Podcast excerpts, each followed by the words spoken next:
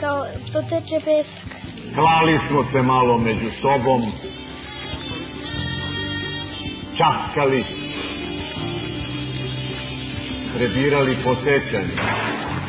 Srbi prvi za kulturom, za civilizacijom evropskom, za modom evropskom, o leševi srpski! Nacionalizam kod nas nije isto što nacionalizam u Francuskoj. Peščanik. E, možete govoriti kao što Francuzi piju za ručak vino, mi smo alkoholičari, mi ne smemo ni kas vina da pijemo. Ajde dalje. Da pustimo mračni i sramni Beograd. Iza nas nerazuman lelek nedostojnih, Peščanik. ispred nas ciljevi uzvišeni, Ali ljudi još uvijek masovno misle da socijalizam nije tako rđe. Može, treći put vodi pravo u Afriku. Ekonomski uvek, ako hoćemo samo, onda smo na pravom putu. iznad nas zver koja nas vodi putevima gospodnjim.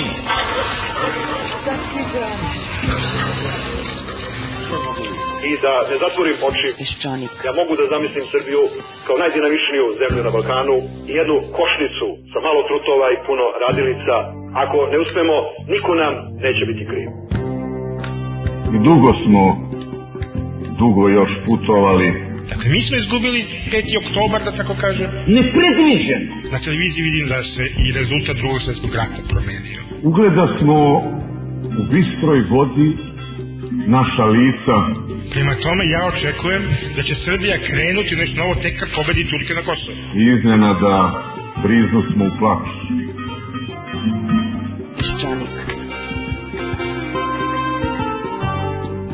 Dobar dan, poštovani slušalci. Za početak jedna informacija. Ovo je poslednji peščanik koji će ići subotom. Od iduće nedelje termin naše emisije je petkom od pola deset do 11 sati pre podne. Na tu temu nemam više šta da izjavim. Konkurs za preostale kombinacije stranaka koje će sklepati vladu je dalje otvoren. Ko uspe da smisli još neku kombinaciju dobit će majicu B92. Konkurs za premijera je zatvoren. Već ga imamo, ime mu je Bogoljub Karić. Gospodin Bogoljub je ovih dana razgovarao i sa Koštunicom i sa Tomom Nikolićem i sa Veljom Ilićem. Juče je bio i u prvoj međudržavnoj poseti Makedoniji u misiji oslobađanja vladike Jovana. Usput skuplja industrijalce, svira gitaru, tuži državu što mu je opljačkala moptel koji je krvavo zaradio. On mu dođe kao neki srpski Berlusconi. Svoje bogatstvo će da upotrebi da dođe na vlast, a onda će vlast da koristi da bi se dalje bogatio. Dok on tako trči po Srbiji, a i šire, samo proglašeni premijer Koštunica se izgleda ovih dana malo odmora, odmara, pa i nije mu bilo lako, uložio je nadljudske napore da napiše punih 11 strana teksta koji zove programom buduće vlade. A umeđu vremenu prošla je prilično nezapaženo vest da nas je Evropska unija i ona njena komisija za prevare, OLAF, opomenula da više ne lažemo i da više ne krademo. Nismo lagali samo za poreklo šećera koji smo im izvozili, sumiče nas da ih lažemo za sve. Zaboravili smo da Evropska unija nije bratska zajednica evropskih naroda, nego pre svega carinska unija. Preće nam oprostiti ratne zločine nego što će dozvoliti da ih potkradamo i to na tako primitivan i bezobrazan način. Zato ver- verovatno Montgomery poslednje dane pred penziju provodi lično nadgledajući uništavanje naružanja naše vojske, da slučajno ne iskrsnu opet neke strele iz zolje po Iraku. Ljudi nam prosto ne veruju. Na početku Pešenika slušate našeg ambasadora u Meksiku, gospođu Vesnu Pešić. Nije više reći da li je ovakva vlada, da li je onakva vlada, nego ne možemo da formiramo nikakvu vladu.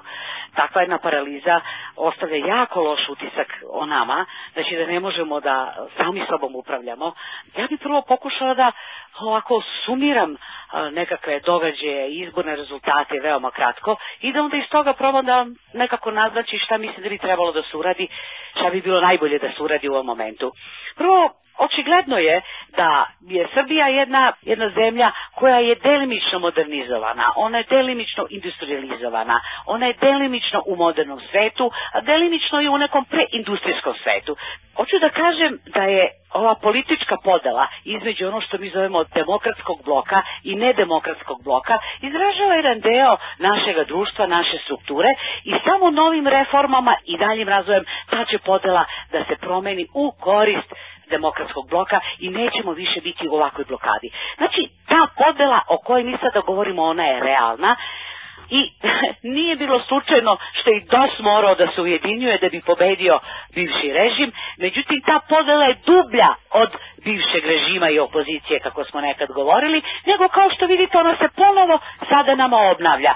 Ako je to tako, onda e, moramo da se pomirimo s tim i demokratski blok, ukoliko hoće da povuče Srbiju napred, njemu ne ostaje ništa drugo nego da se pomiri sa činjenicom da ne može niko u tom bloku da dobije ni uskoro većinu, da nema drugoga nego da se napravi kompromis, Umesto da tapkamo u mestu i da se brukamo i raspisujemo izbore koji će manje više da daju jedne iste rezultate ili će da unište jednu stranu demokratskog bloka, ali će da jača drugu. To znači recimo da probamo da totalno uništimo demokratsku stranku kao demokratsku, ali da nam pritom uopšte ne smeta da li će da rastu radikali ili će da rastu socijalisti. Znači, umesto da stalno neko nekog kažnjava u tom demokratskom bloku, ja mislim da je krajnje vreme da se sada povučemo svi dva koraka unazad i da probamo kao kada su, da su juče bili ti izbori i da krenemo otvoreno i da probamo da se dogovorimo da se nekakva vlada napravi. Ja mislim da to ne bi bilo toliko teško, da bi mnogo više napora, mnogo više vremena, mnogo više bruke, da neko hoće apsolutnu većinu i da lupa, lupa rukom po stolu. Ja predlažem zato da se prosto preko ovoga što je bilo sada za ovih poslednjih 15 dana, da se zaboravi na to i da se vratimo na poziciju stvaranja kompromisa i dogovora. Ja ne vidim šta bi drugo Svetlana moglo da se predloži nego to, ukoliko smo još uvek nekakvi racionalni ljudi. Znači, Demokratska stranka Srbije jeste dobila najveći broj poslanika, ali ne toliko ubedljivo da bi mogla da uslovljava, da ucenjuje, a pored toga ja sam ušte protiv toga da se nastavlja u budućim koalicijama, jer će neke koalicije biti takođe potrebne. Šta vi mislite da taj blok između Koštunice, Labusa i, i Daškovića da se oni neće posvađati? Pa naravno da će se posvađati i oni. Znači mi moramo da izbacimo taj način komuniciranja, da neko stalno naređuje nekom drugome šta treba da radi, da se prosipa iracionalne mržnje kao što su recimo sada smo bili prisutni i svi smo to vidjeli. Jedna potpuno iracionalna mržnja prema demokratskoj stranci, prema vladi koja je preuzela odgovornost, radila je koliko je mogla i umesto da kažemo, imali smo jednu vladu posle jednog užasnog režima, imali smo jako teške uslove, uradili smo određene stvari, uradili smo dobro to, to i to, sada idemo dalje. Međutim, šta mi radimo? Mi smo zapali u jedan strašan negativizam i to je zahvaljujući zaista u ovom trenutku demokratskoj stranci Srbije, a boga mi i nekim drugima, koji stalno u glas višću da je mnogo gore nego ikad, pa da li je moguće da će mene ili bilo kog našeg normalnog građanina da neko uveri da je lošija vlada Zorana Đinđića ili Zorana Živkovića posle toga od Miloševića. Moj predlog da budemo sada konstruktivni kod formiranja vlasti, ali na ovo je posebno insistiram, treba da budemo konstruktivni i kod ocene šta je određena vlast uradila. Zamislite sada, što bi bilo normalno, jel da demokratska stranka Srbije i Koštunica preuzmu sada odgovornost za novu vladu i da posle toga mi krenemo iz demokratske stranke da vićemo da nikad nije bilo gore, da su gori nego fašisti. Gore nego, nego Nemci, gori nego Milošević. Pa molim vas, svaka vlada koja dođe, ona će obaviti neke važne poslove. Neće obaviti sve poslove, zato se vlasti menja.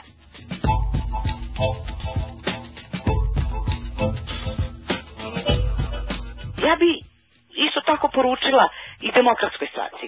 Ona je dobro bila postavila sebe na početku ovog perioda posle samih izbora. Ona je rekla da je za nju najbolje da ide da bude manjinska vlada. Ja mislim da demokratska stranka od tog svog ispravnog stava, bez obzira šta je rekao neko tamo iz demokratske stranke Srbije, da treba da se drži onoga što je rekla, zato što je to bila njena najbolja pozicija.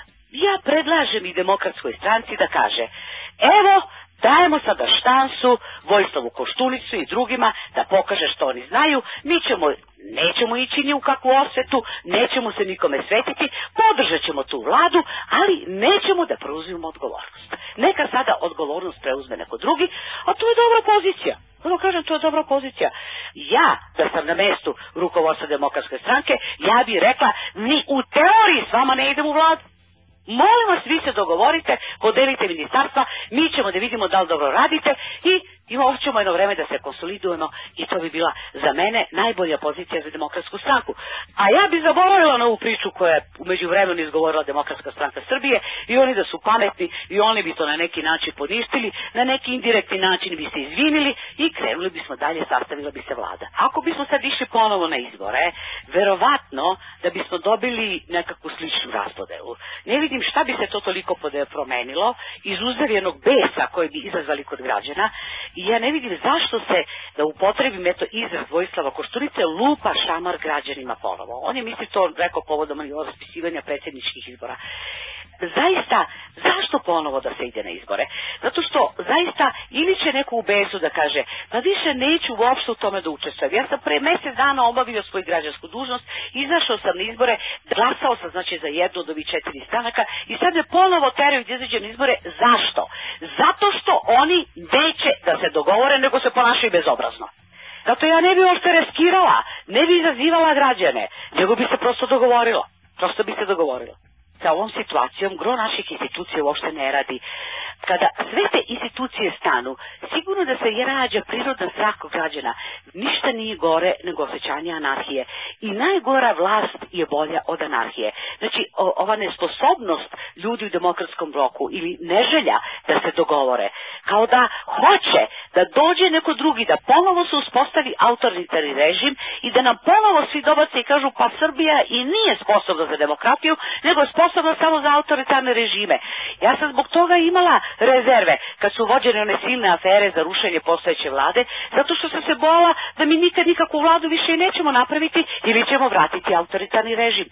Zbog toga svi osjećamo tu tremu i ja prosto, eto, molim molim te ljude, eto i molim i Koroš i demokratsku stranku, da prosto, eto, i žrtvuje da pređe preko tih uvreda koje su joj upućene i da ne deluje tako uvređeno, da kaže nećemo da pustimo da Srbija ode pod led i da se pokaže da nije sposobno da napravi nikakvu demokratsku vladu, nego da treba da čekamo polovo neke autoritarce da dođu da rastureju ovu zemlju koja je tako već rasturena.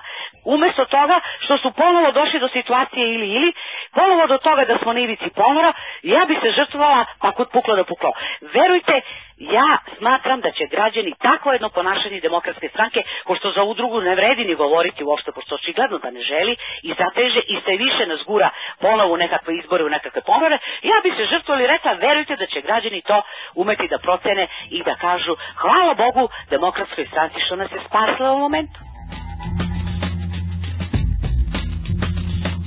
Do dalekog Meksika stigao je Aber da je Koštunica nezadovoljan što se tamo neki ambasadori mešaju u unutrašnju politiku ove zemlje. Misli izgleda na gospođu Vesnu Pešić. Znam da Koštunica neprekidno ima primede na moje ponašanje. Ja njemu samo kažem, tačno je, ja možda ne bi trebalo da se mešam u politiku, ja se tu s tim potpuno slažem, ali s obzirom na neku moju biografiju, ljudi žele da čuju moje mišljenje i ja ne vidim zašto ne bih uh, pokušala da pomognem u jednoj situaciji ako me već neko nešto pita. Uh, ja ne znam zašto to njemu smeta i zašto je to uh, nešto što njega toliko iritira, ali to je svakako činjenica da je on iritiran time da se ja javim u javnosti kad me neko pita. Ja se sama ne javljam, ali osjećam se neprijatno da kad me neko nešto pita da ja kažem, pa znaš šta, ja ne mogu ništa da ti kažem zato što sam ja ambasador. Izgleda će meni ba se tako čini, kao da se ja plašim za svoje mesto, ja neću uopšte da dodajem ulje na vatru, ja smatram da bi bilo najbolje da se kaže u redu, podelili ste packe svuda, i ovi, i vladi, i ambasadorima, i ovima. U redu, molim vas, preuzmite vi kormilo i preuzmite odgovornost. Eto. Oni dalje neprekidno vode izbornu kampanju ili napadaju ili se bave s time da im ne odgovara ovaj ili onaj, da čekaju izbore u demokratskoj stranci, pa onda s ovim hoće, s onim neće, umesto da se bace na posao. Znači, oni ne treba uopšte time da se bave. Oni imaju pune ruke posla. I ja im želim da te posao što preuzmu. I treba da preuzmu. Mi ćemo naravno kao demokratska javnost i određene stranke kontrolisati njihov rad, ali ja mislim da treba da preuzmu odgovornost za državu umesto što se bave i šamaraju ljude okolo.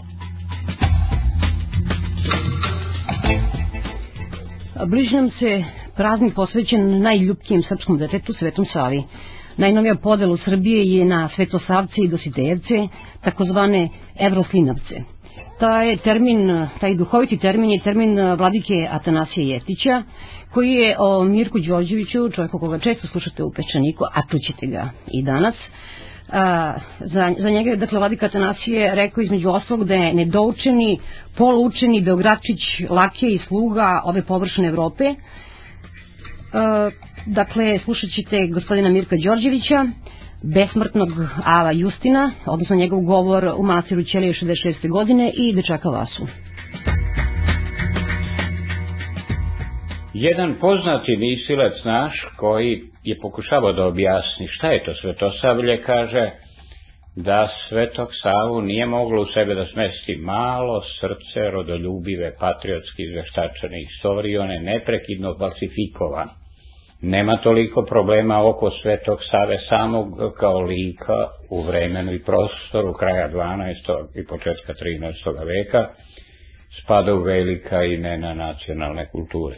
Sumnje u to nema, i kao državnik, i kao političar, i kao prosvetitelj, ali sve ono što se iza toga počelo oblikovati i što se naziva svetosavljem, do te mere je sporno da predstavlja veliki potpuno nerasvetljen problem. Dakle, Svetog Savu treba odvojiti od svetosavlja. Čak je jedan naš dobar poznavalac lika i dela Svetog Save izričito rekao Svetosavlje nema nikakve veze sa Svetim Savom. I doista je tako. Malo kome pada na pamet, i to je velika šteta što je tako, da se pojam Svetosavlje prvi put sreće 1936. godine, tačnije 38. i prvi put je tada stvorena ideologija Svetosavlje. I ta ideologija u novije vreme, posljednjih 15 godina, sve više i više, jednostavno deformiše i lik i delo. Osim toga, zarana, rano, posle smrti, Sveti Sava je postao predmet kulta i to je sasvim razumljivo. Kulta u crkvi kao svetitelj i to je sasvim razumljivo što je tako, ali je Sveti Sava u narodnoj tradiciji u pričama dobio jednu vrlo neobičnu projekciju. Čajkanović je, najveći naš etnolog sigurno, dokazao i pokazao kako postoji više od 50 narodnih priča i legendi u kojima se Sveti Sava prelama u narodnoj svesti kao čisto pagansko zlo božanstvo, vrlo čudno. Dakle, božanstvo pod imenom Svetog Save kreće se na čelu Vučjega čopora i zaštitnike Vukova i čak brojne priče pokazuju te paganske mitološke priče kako on nanosi ljudima zlo. Dakle, na jednoj strani imamo crkveni kult koji izvlači idealnu projekciju, a s druge strane imamo jednu mitološku pagansku predstavu u narodu i na trećoj strani imamo taj takozvani treći stepen mitologizacije, politička instrumentalizacija Svetog Save pod tim sloganom Svetosavlja kao čiste nacionalističke ideologije. Ja ću vam govoriti o jednoj mojoj školskoj priredbi. Prvo ide moja recitacija. Srećna vam slava Srbi čestiti svetoga Save koji vas štiti. Danas se slavi svetitelj Sava, crkve i škole vrhovna glava. Danas na nebu je srpski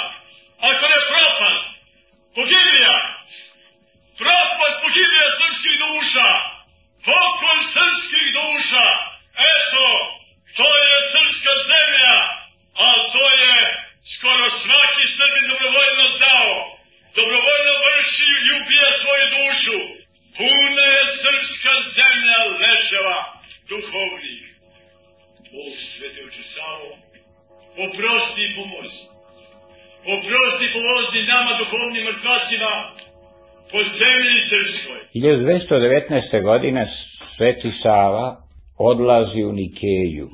Tada je Vizantija bila raspolućena, kao što znate, vreme krstaških ratova, jedan deo bio uspostavljeno zapadno latinsko carstvo.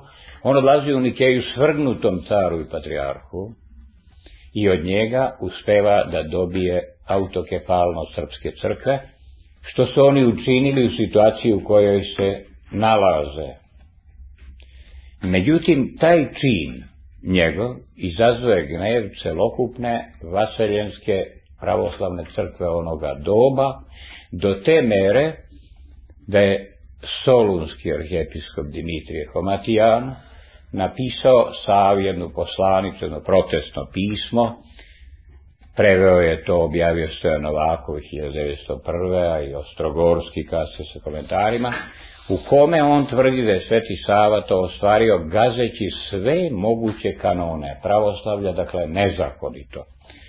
E vidite, kad se danas govori o autokefaliji, zaboravlja se da je tad započetan proces usitnjavanja pravoslavlja i to stoji ta činjenica. Dakle, trebalo bi i vreme je da se o Svetom Savi govori sasvim normalno i pribrano, jer on sigurno pripada i ovom naraštaju kao što je pripadao i ljudima svojega doba. Onda, onda je sada idu priče. Prvo na priredbi imamo Sveti Sava i neradna žena. Bila jednom žena mnogo lenja, te je pomalo radila, a pomalo spavala. Ona je mislila da su to neke mađije, te ode svetitelju Savi. Oče, neke magije su ušle u moj razboj, te mi pređe ostade tri godine neistkana. I kada je sa, Sveti Sabo otišao njenoj kući i video šta je i kako je, mete epitrahiju, prežuta marama sa brown krstovima na sebi. I počne glasno govoriti, ko, kao da iz knjige čita. Zapali vatru ženo, pa čuk čuk uz razboj, Operi sudove, pa čuk čuk uz razboj. Podmeti kuću, pa čuk čuk uz razboj. Nahrani dete, pa čuk čuk uz razboj. Osuši veš, pa čuk čuk uz razboj. Donesi vodu, pa čuk čuk uz razboj. Je to sve duhovniče? To je sve hrišćanice, to je sve. Sada sledeća priča, glavna priča o Svetom Savi. Zvezde nad rasom. On je sa dvora kao princ naslednik, napustio dvor i otišao u monahe sledeći zavet svetosti. Dakle, vidite, ta činjenica stoji i nju bi trebalo po mom mišljenju isticati i uopšte nije potrebno zaodevati je u nekakvu savremenu politiku.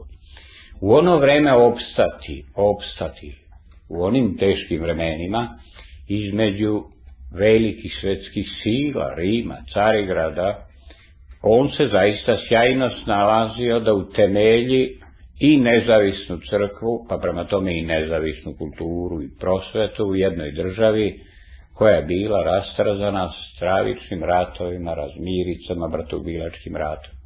Prisjetite se samo situacije na dvoru, njegov otac, stari autokrata Nemanja, krši jedno vekovno pravilo i ne daje vlast najstarijem sinu Vukanu, nego srednjem sinu Stefanu. Sam Stefan nije bio sretne ruke. On se dugo vremena naslanjao na Rim, na zapad. I od pape je dobio krunu, papa ga je krunisao i od tuda mu ime prvovenčani. Međutim, kasnije on menja tu politiku između istoka i zapada, pa kruniše se ponovo u žici, Sava ga kruniše. Dakle, to vreme između svetova, između velikih sila je bilo zaista nemirno vreme u tom se vremenu Sveti Sava zaista herojski snalazio. I tako jednoga dana on pobegne i tri vojvode odkrenuše da ga traže. Stefan Nemanja ih je poslao. I tako njih trojica stadoše pred Hilandarom. To je jedan manastir u Svetoj gori, srpski manastir. Tako nam je rekla moja učiteljica. Na veronauci? Ne, a nisam ja na veronauci, ja sam na građanskom. Rekla nam je to na narodnoj tradiciji. Gde sam stao, a da, i potplupati i vikati. Oci svetogorci, otvorite vrata, mi smo prijatelji, nije vreme rata. Onda izađe jedan monah i kaže, možda roditeljske nade izneveri, ali Rastko želi da se kaluđeri. I kaže, zar kraljević Rastko tako da učini? Ne, to se tebi čini. Najčešće se kaže, sve je kod nas što je vredno, započelo jednim bekstvom u manastir. Jeste, to je činjenica da je naša kultura, rekli smo malo obraz, započena tim herojskim bekstvom u manastir doba. Ali moderna srpska kultura i prosveta, zapokon, Dositej je temeljivač, ministar prosveta, na kraju bio u protivstvu Sovjetu, započela je jednim bekstvom iz manastira. Sveti Sava je nesumnjivo velika vrednost naše kulture, ali ga mi ne možemo preneti u naš... Nećemo mi danas sledeći takav primer promeniti svet. Jer davno je rečeno, to se kod nas zaboravlja, niti će svet postati manastir, niti će manastir postati svet. To su jednostavno dva sveta koji se dodiruju. Iz drugog pisma Haralampiju, leta gospodnjeg 2003. Dva velika simbola srpske duhovne kulture su rastkovo bekstvo u manastir i bekstvo dositeja iz manastira. Sveti Sava je začetnik hrišćanske zavetne kulture Srba, kulture koje srpski narod privodi Bogu, a Dosite je začetnik van zavetne kulture u Srba, koje je zrcalo bila bezbožna prosvetiteljska škola zapadne Evrope. Slagao bih te, Haralampije, kada bih ti rekao da za ras Kaluđerom Dositejem niko nije krenuo. Mnogi su Srbi za njim pošli, mnogi su Srbi tražili sunce tamo gde ono zalazi, mnogi su se Srbi u tamu zagledali, slovesnost svoju izgubili i nestali. Dobro, znači kaže i, i braću mi moju milu pozdravite, bla bla bla. Recite im da sam steko novu braću, oce Svetogorće, od sad tako zvaću. Kraj. Sviđa mi se ovo zvezda nad rasom, jedno što mi se ne sviđa što je napustio svoje roditelje. Zašto ih je napustio? Bolje biti princ ili monarh? Pa po mom mišljenju bolje biti princ. Pa onda imaš neku vrstu vlasti. A kao monah moraš da, da se petljaš sa tim glupavim bogom. Ali ja nemam osjećaj da ti još imaš nešto protiv da naučiš sve te pesme. Nemam jer su lepe, samo da se izbaci ta reč Isus Hrist ili Bog ili Isus Hrist, to da se izbaci. Ali ti se ne čini da malo previše časova posvećujete samo tim pričama? Pa da, mislim tri časa. A još ver, oni koji idu na verovanaku četiri časa. 1935. godine na Kolačevom narodnom univerzitetu Nikolaj Velimirović, danas već kanonizovan, održao je čuveno predavanje. Predavanje nosi naslov Nacionalizam Svetoga Save. Ni u jednom redku kod Svetog Save nema ni aluzije na nacionalizam, tako je Nikolaj stvorio predstavu da je Svetosavlje moguće svesti na srpski nacionalizam. Ne. Sveti Sava sa svojim delom pripada univerzalnoj vizantijskoj tradiciji koja se odvika univerzalizmom i verskim, konfesionalnim i kulturnim. Tu se tvrdi dalje da je srpski nacionalizam najstariji nacionalizam u Evropi. Srednji vek ne poznaje kategoriju nacionalizma. Ni u kojoj ravni. Prema tome Sveti Sava nema nikakve veze s nacionalizmom. Bilo je potrebno nekome da od Svetog Save načini nacionalistu. Videlo se da je predavač Velimirović u nedostatku argumenata iz Svetog Save svojim slušalcima ponudio jedno objašnjenje koje se svodi na to ta svetosavska ideja da stvori neki srpski nacionalizam u 12. i 13. veku je toliko uzvišena da je niko do sada nije shvatio, osim velikog vođe Adolfa Hitlera i on kaže, odaje mu tu poštovanje, priznanje, otvorite 43. godine ondašnje novine zovu se na ovo vreme, pa ćete čitati govor jednog Nedićev ministra, bio jedno vreme i ministar privrede i gradonačelnik Beograda Olćana, koji izričito kaže, mi se danas nadamo da će nam Berlin i Hitler doneti svetosavsku Srbiju. Ko sve nije imao svoje svetosavlje? Imali svi komunisti svoje svetosavlje. Da, da, da, da, da, da, da. Prvo pravačerstvo u Rudom osnovala imala referenta za verska pitanja. Slavio se Sveti Sava. 46. proslavljeni u oslobođenom Beogradu Sveti Sava u pricu maršala Tita u Narodnom pozorištu. Dakle, treba Svetog Savu odvajati kao pisca, diplomat, prosvetitelja od svega ono što mu kasnije, čime ga kasnije zatrpavaju legende, predanja, nekritički hvalospevi i osobito politička ideologija. Danas je Sveti Sava, ali danas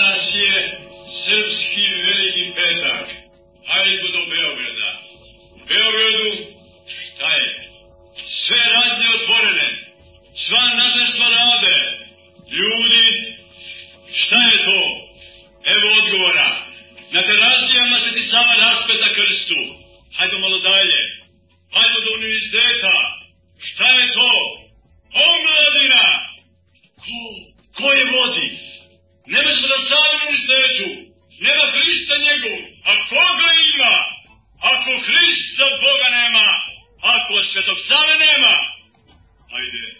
dajde širom srpske zemlje. Tamo, daleko u Sumaglici, stoji Crna Gora. Srpska Crna Gora, a u njoj skoro sve crkve zatvorene, pretvorene u magazine. Tamo, po srpskim šumama, kudrama, srpski manastiri, a manastiri skoro opušteni. Srbi neću monahe, Srbi krenuli za Evropom, za kulturom, za modom, prazni manastiri srpski, a vi šajde decu svoju po školama, po univerzitetima, dobro i to ponekad, ali pomisli na dušu svoju, na dušu njihovu. Ko će čuvati dušu srpskog naroda? Ostavivši taj duhovni srpski put, Srbi krenuli za kulturom, za civilizacijom evropskom, za modom evropskom. O, leševi srpski! Šta vam daje ta kultura i civilizacija? Šta osim laži? Šta vam daju palate i fabrike? Šta vam daju avioni? Pogledajte duše svoje, gde su vam duše? Kad sam posetio manastir ovaj e, Vojvodene, onda sam vidio da, da monahinje imaju kola. Znači, nije baš toliko težak život, jedino što tu nije zabavno je... To, to mora da budu blizu crkve, kraj crkve. Ceo dan i ceo noć. Evo imate jedan primer kod Matije Bećovića i tada je, kaže on, 800-godišnje Sveti Sava poginuo u drugom svetskom ratu i to na strani onih koji su rat izgubili. Uvek Sveti Sava nekom treba da se nečim pokrije. To je to. Imaće mi posla s tim. Zakazuje se skupštini i zvaće se Svetosavska. Znate mi, stalno sad se mučimo s tim.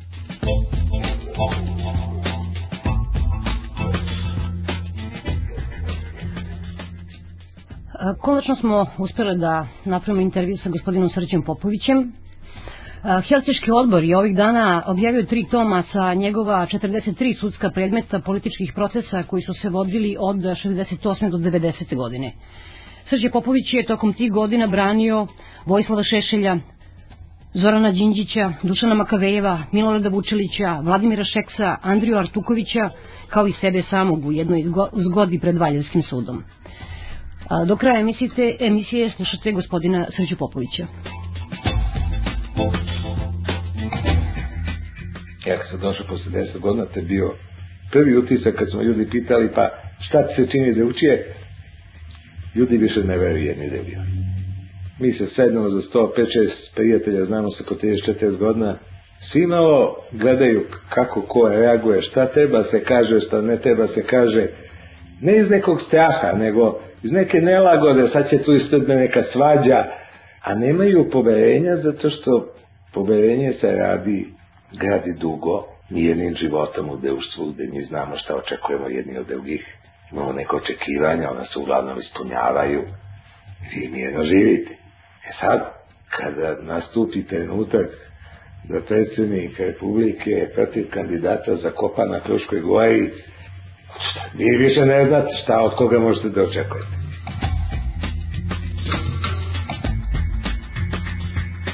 Stvarno gada. Ja isto imam problem kad se nađe s nekim ljudima, recimo s Natašom Kandić, kad počne priča, njega su našli izgoreloga, ono dete je bilo bačeno, ne znam, dakle, i ja mislim, aman, ne možemo to da slušamo. Ali, nažalost, bez toga, ja mislim da jako teško se može ono što se zove normalno živeti. To će biti jako teško. A kada ćemo zašto? Kad vi tako, dajte da uzmemo tu sebenicu zato što jeste stvarno ona monsterozan jedan zločin. To je se desilo, šta je, 200 km odavde, jedna organizovana sila je pokupila ljude, odvela ih neku poljanu i satima ih streljala. Dok su ovde ljudi gledali televiziju, išli bioskop, pili kola i na večer. To nije samo zločin. Tu je narušen jedan civilizacijski tabu. To je jedan civilizacijski tabu. Ljudi koji misle da mogu to da zaborave i koji misle dobro, to je bilo prošlo, sad ništa ne možemo, pa idemo dalje, se varaju. Ljudi to ne mogu. Iako se opiru oni tome, iako je to vrlo neprijatno, to ljudi psihološki ne mogu. Oni mogu se muče tako da odbijaju to da slušaju, da se ljute kad im se to pomene, da, ali u stvari to je uvek tu. To je uvek tu. Ako hoće da budu ljudi koji su bili, moraju da prođu kroz to nešto što se zove žaljenje, i to ne mislim samo žaljenje žrtve, nego žaljenje nad tim šta sam učinio, šta je drugi učinio, zašto se to desilo. Vi morate prođete kroz to. Vaša psiha je tako organizovana, ljudska, da vi ne možete kroz to ne prođete, a da ne budete posle toga teško oštećeni. Ima i zločinac svoju traumu. I saučesnici i posmatrači i oni imaju svoju traumu. Ovo je traumatizovano društvo. Pričajte o tome što više, pišite o tome. Pomozite sebi da to ode u onaj deo vašega mozga koji čuva takozvana dugoročna sećanja. Dok god to ne postignete, to je isto kod da se to sad događa. I vam to stoji još uvek tu kao neka aktualna stvarnost. Ili niste preradili da ona može da legne u onaj deo vaše psihe gde vam više neće smetiti da živite. Mi se čini da je sad tendencija da se začuti. Moja se govoriti. I govorit će se. Niko to ne može čutati. Iz intervjua listu danas.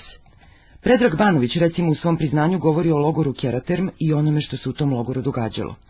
Prema Miloševiću to nisu bili nikakvi logori, već odredišta gde su civili radi sobstvene bezbednosti sklanjani iz područja ratnih dejstava. Banović, koji priznaje da je u tom logoru ubio pet ljudi i učestvovao u premlaćivanju 22 logoraša, ovako opisuje taj logor. Po dolasku u logor zatočenicima oduzimana sva lična imovina, a zatim bi ih tukli. Nakon toga bi ih uterali u skladišni prostor gde nisu mogli ni leći ni kretati se.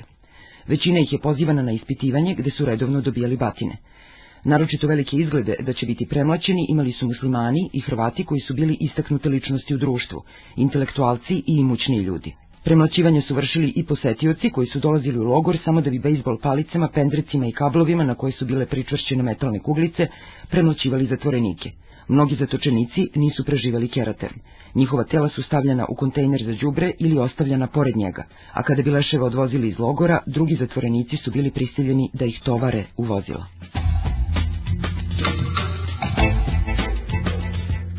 Iz intervjua Listu danas. Šta je priznala Biljana Plavšić? Biljana Plavšić pojedinačno imenuje 391 logor koji su srpske snage uspostavile širom teritorije Bosne i Hercegovine. Ona takođe priznaje ubistva desetine zatvorenika u Manjači, 14 u Bratuncu, najmanje 266 u KPD Foča, 190 u selu Grabovice, stotine u Logorsku Omarska, streljanje 250 zatvorenika u Prijedoru, ubistva na određenog broja u Karakaju, logoru Sušica, Keraterm, Luka i još 15 logora ili objekata u vezi s logorima. Ona priznaje ubistva tokom napada na sela i gradove, 78 u Bijeljeni, 65 ubistava u Bratuncu, 10 u Brčkom, streljanje 30 muslimana u Prohovu, ubistvo i spaljivanje tela 70 muslimana u naselju Bikavac, likvidaciju više stotina muškaraca, žena i dece u Višegradu i na mostovima Drine, ubistvo 15 muslimana u Zvorniku i masovno ubistvo u još 15 mesta u Bosni i Hercegovini. Biljana Plavšić takođe priznaje uništavanje preko 140 kulturnih i verskih spomenika Hrvata i muslimana u Bosni i Hercegovini. Crvene beke, to je elitna jedinica, kaže, čemu vi pričate? U Srebrenici su Francuzi.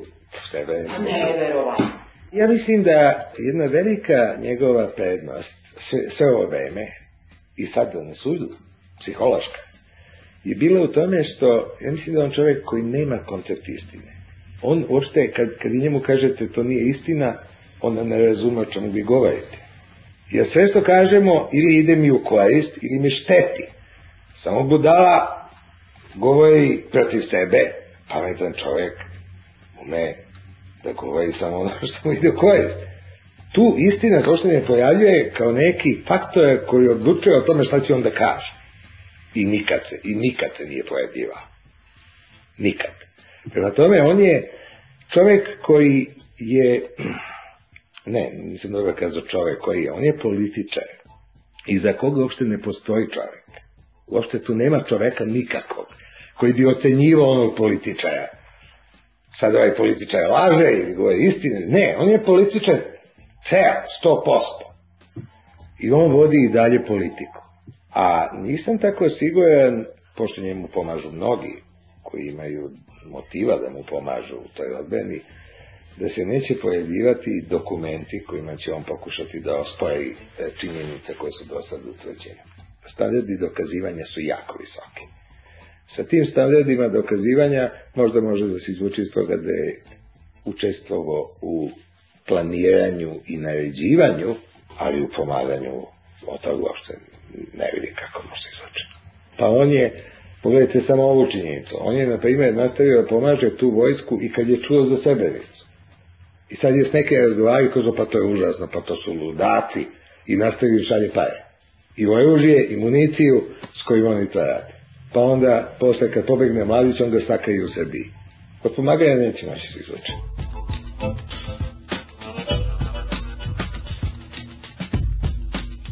5. oktober je pogrešno predstavljen ko neka revolucija gde narod na ulici skinuo mrznuti režim i sad će dokrene drugi list. Jel? Potpuni diskontinuitet sa tom prošlošću, skidanje svih hipoteka. To nije tako bilo. To nije, činjenice nisu tako bile. Po mom viđenju, tu je postojala jedna revolucionarna situacija, ali je onda izvršen puč upravo da do te revolucije ne bi došlo, I to su ga izvršili ljudi iz Miloševićevog okruženja koji su shvatili da on postaje opasan ludak, da mogu svi da budu počišćeni. Pa su gledali, ajde da počistimo mi njega, a mi da se sačuvamo. Opoziciji to odgovaralo zato što krv na ulici niko nije želeo, oni bi bili prve žetve u, u takvom nekom krvom preliću, koje bi u stvari bilo normalno za pad jedne takve diktature. Čisto dramaturški Dvije diktature ne padaju tako. One padaju bujno i krvavo.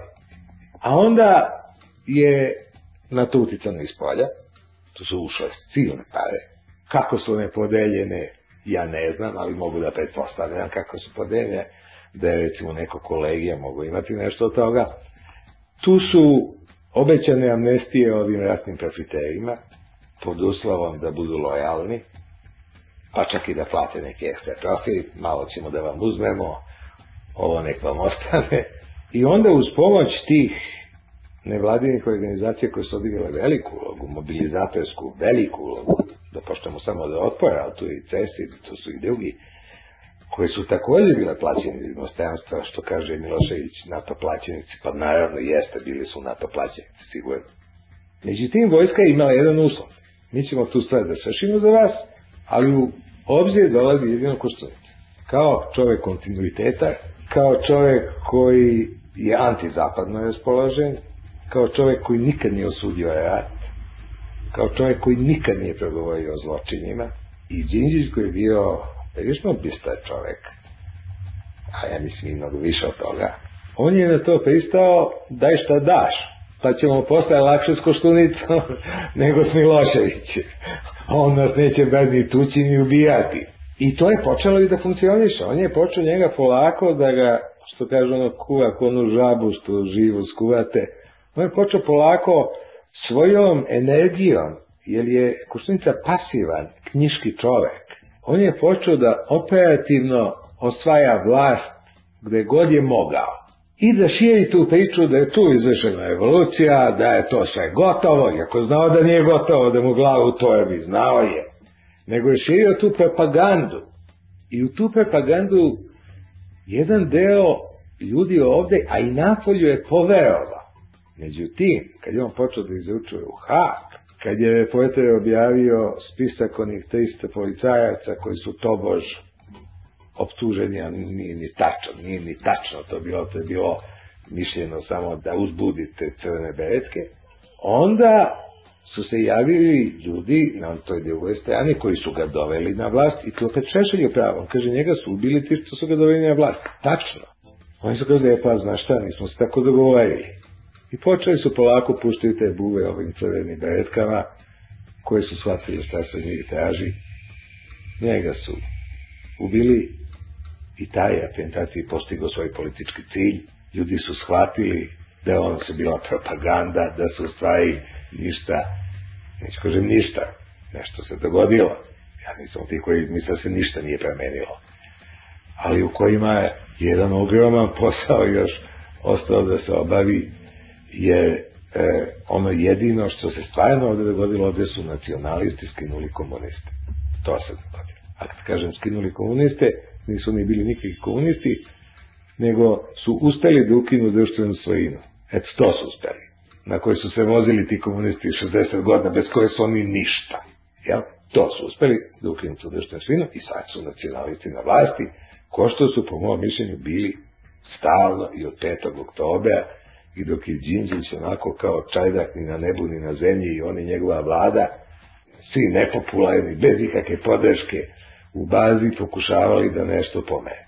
Sad je to trenutak istine, vratili smo se na 6. oktober, ono što je on pokušao, to je propalo, ne mislim da je to propalo konačno i nadam se da ima tu još ljudi koji će to pokušavati, ali zna se ko su pobednici. Tim ubistvom i ovim poslednjim izborima ta dilema je razrešena. Vidi se ko je pobedio. Toma Nikolić je pobedio i Koštunica je pobedio. Oni su pobedili. Šta se sad sankali? Udružite se, pa ajde sad.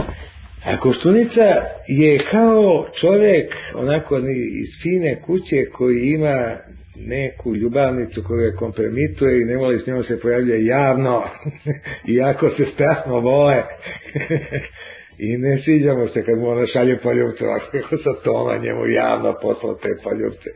Su oni prirodni saradnici, a Košnici se pravi da ga nije čuo.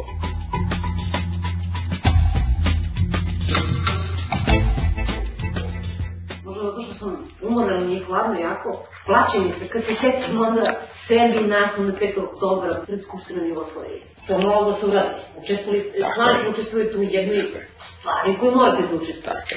Mislim, zastrašujuće je to osjećanje da je toliko ljudi poginulo, toliko ljudi ubijeno, da je i u ovoj zemlji, čak da apsrakujemo što je nemoguće, zločin da, da, dobro, da. za tako mali pomak, za tako praktično, što je dva života možda nekako... Zato, zato što je rupa bila tako duboka.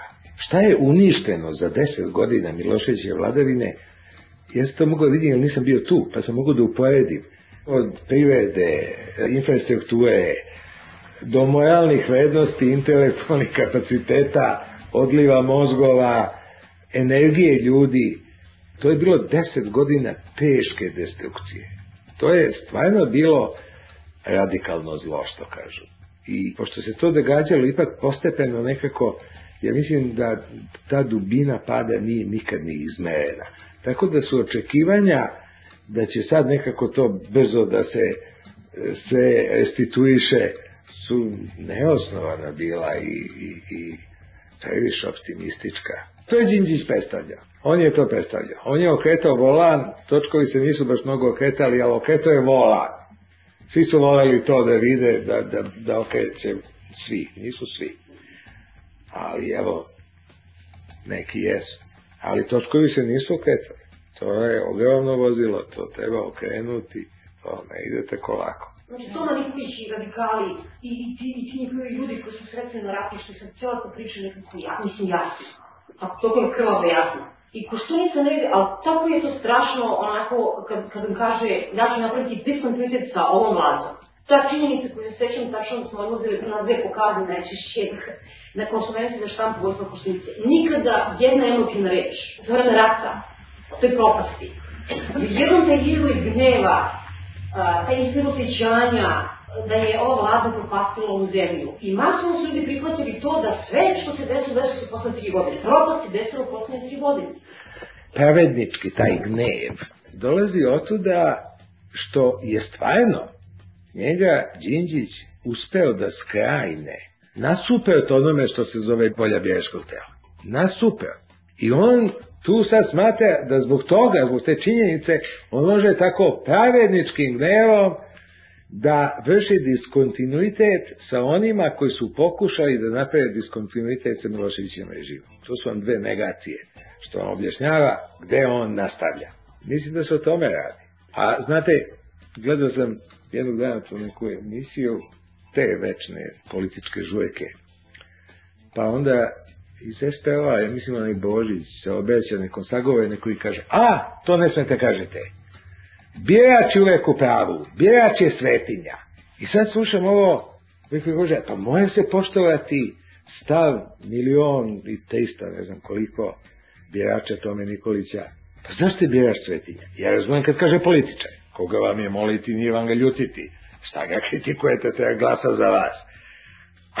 Ali ako niste političari, ja ne znam zašto bi se mi priklanjali katastrofalnim odlukama koje su neki ljudi napravili.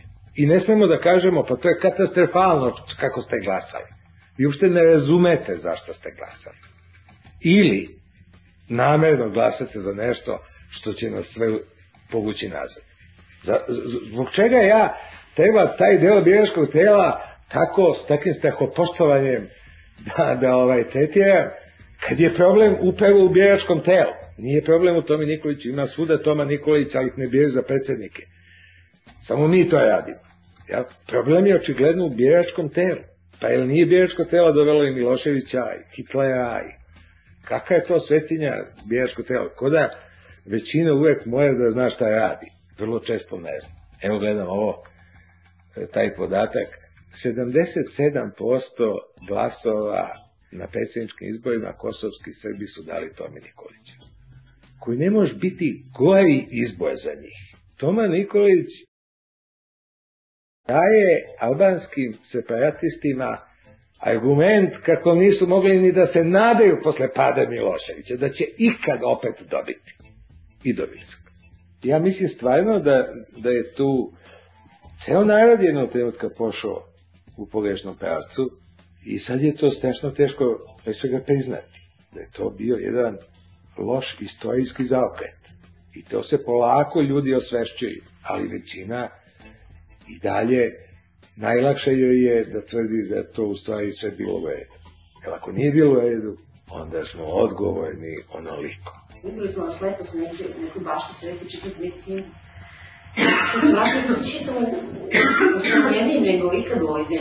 Osjećam se malo neumesan, to da.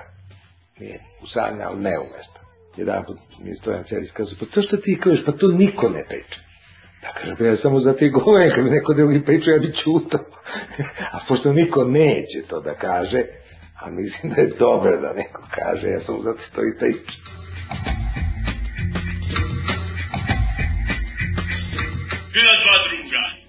jedan od mladosti svoje rešio da se odrekne sveta i da postane monah. A drugi njegov drug od mladosti počeo da ismeva evanđelje gospoda Hrista i Hrista i vere.